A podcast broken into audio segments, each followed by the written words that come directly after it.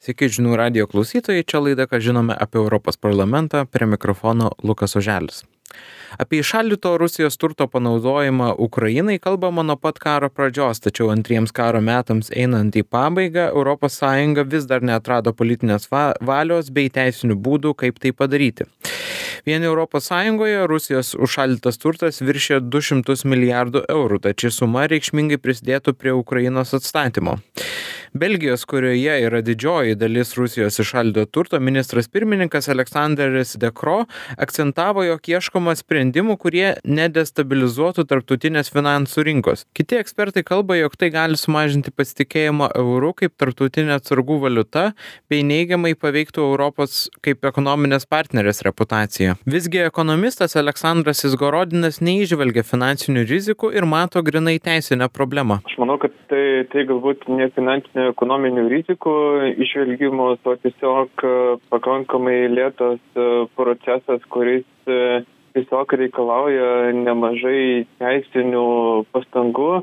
Aš manau, kad problema galbūt yra labiau tame, kad na, tai yra ganėtinai čia pasakyt unikalus galbūt iš tam tikra prasme precedentas kuris tiesiog reikalauja labai kruopštaus teisinio pasiruošimo ir supratimo kaip būtų galima tokį turtą teisiškai konfiskuoti Ekonomistui antrino europarlamentarė Rasa Juknevičiane, kuri tikino, jog šiuo metu dėl teisinių sprendimo dirba geriausi teisininkai iš įvairių šalių.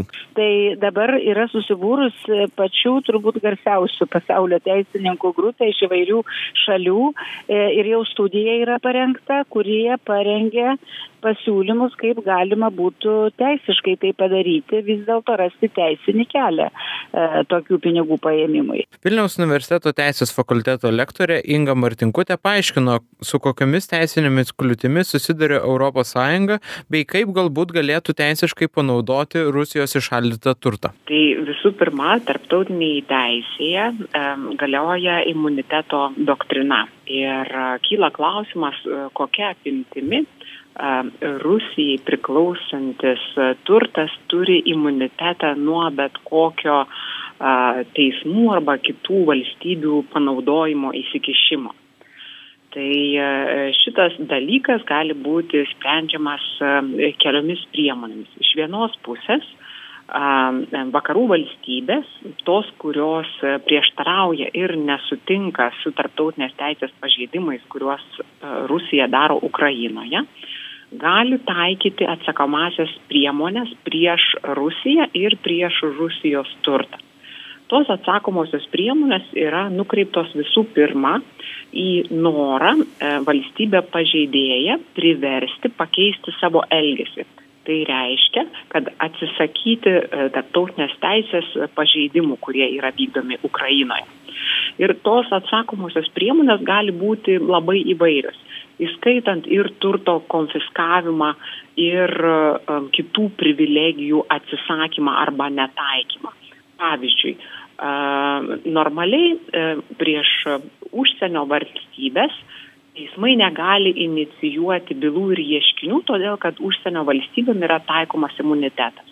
Bet tas imunitetas yra tam tikra privilegija, teisė ir jeigu rusija pati nepaiso tarptautinės teisės ukrainoje kitos valstybės gali atsisakyti rusijai taikyti imunitetą būtent motyvuodamos tuo kad rusija pažeidinėja tarptautinę teisę ukrainoje. Tai čia vienas e, kelias yra kaip pavyzdžiui panaudoti e, tą vat rusijos turtą e, ukrainos atstatymui.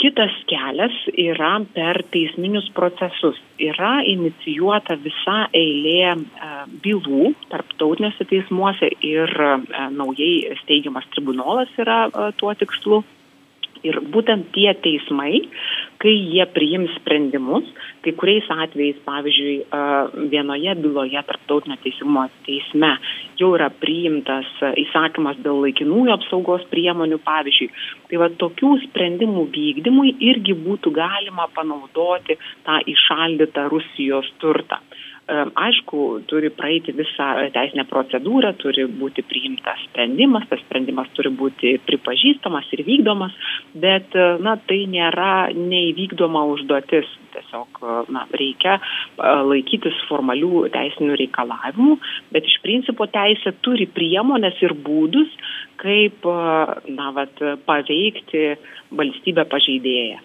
Mm.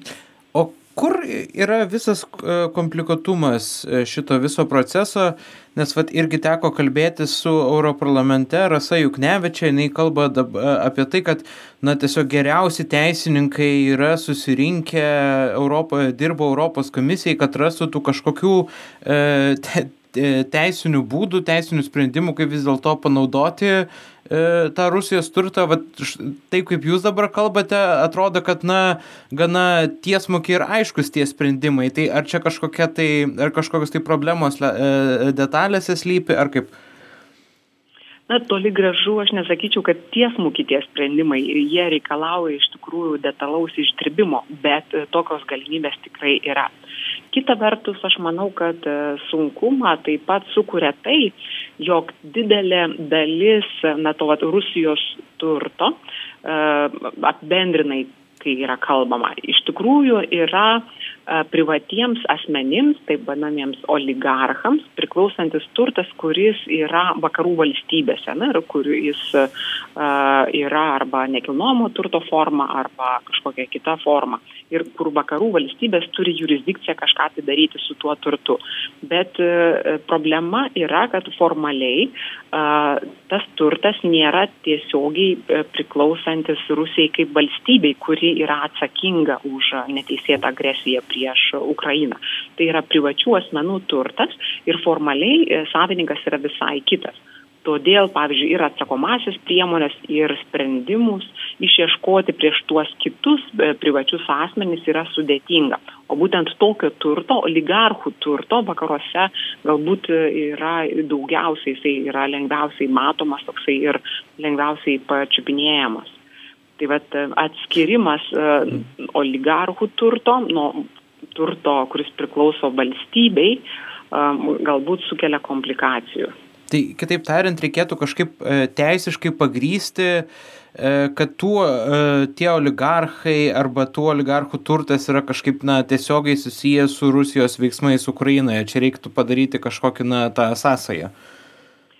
Um, teisėje egzistuoja toksai institutas, kuris uh, angliškai vadinasi piercing the corporate wheel.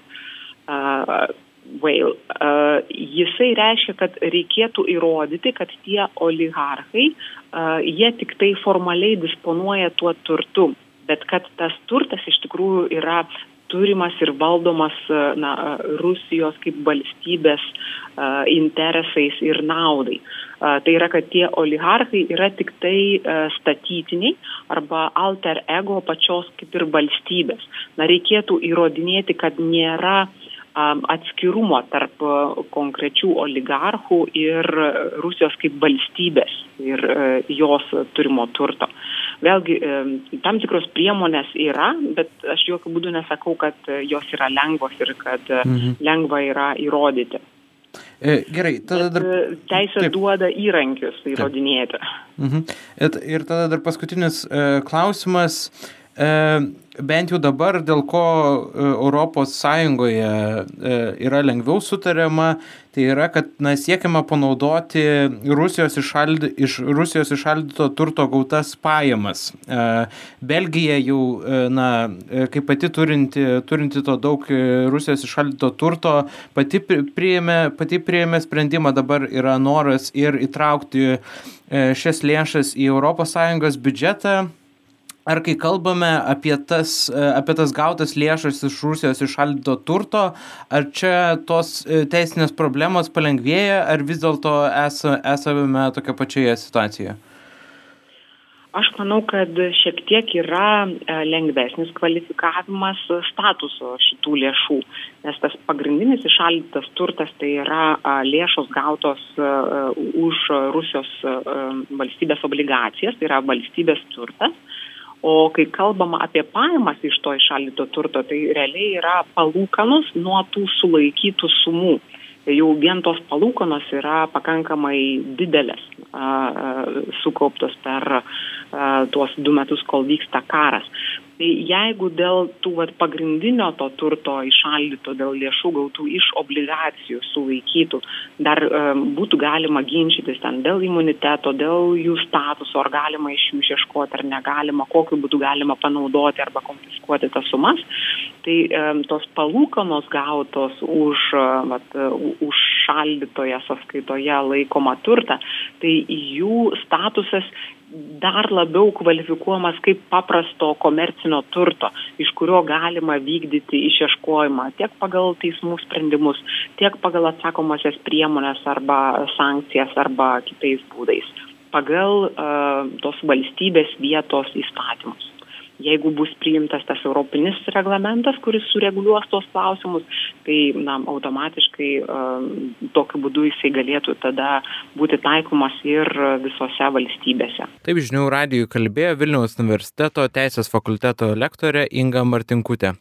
Tiek šiandienos laidoje, ką žinome apie Europos parlamentą, likite su žinių radiju.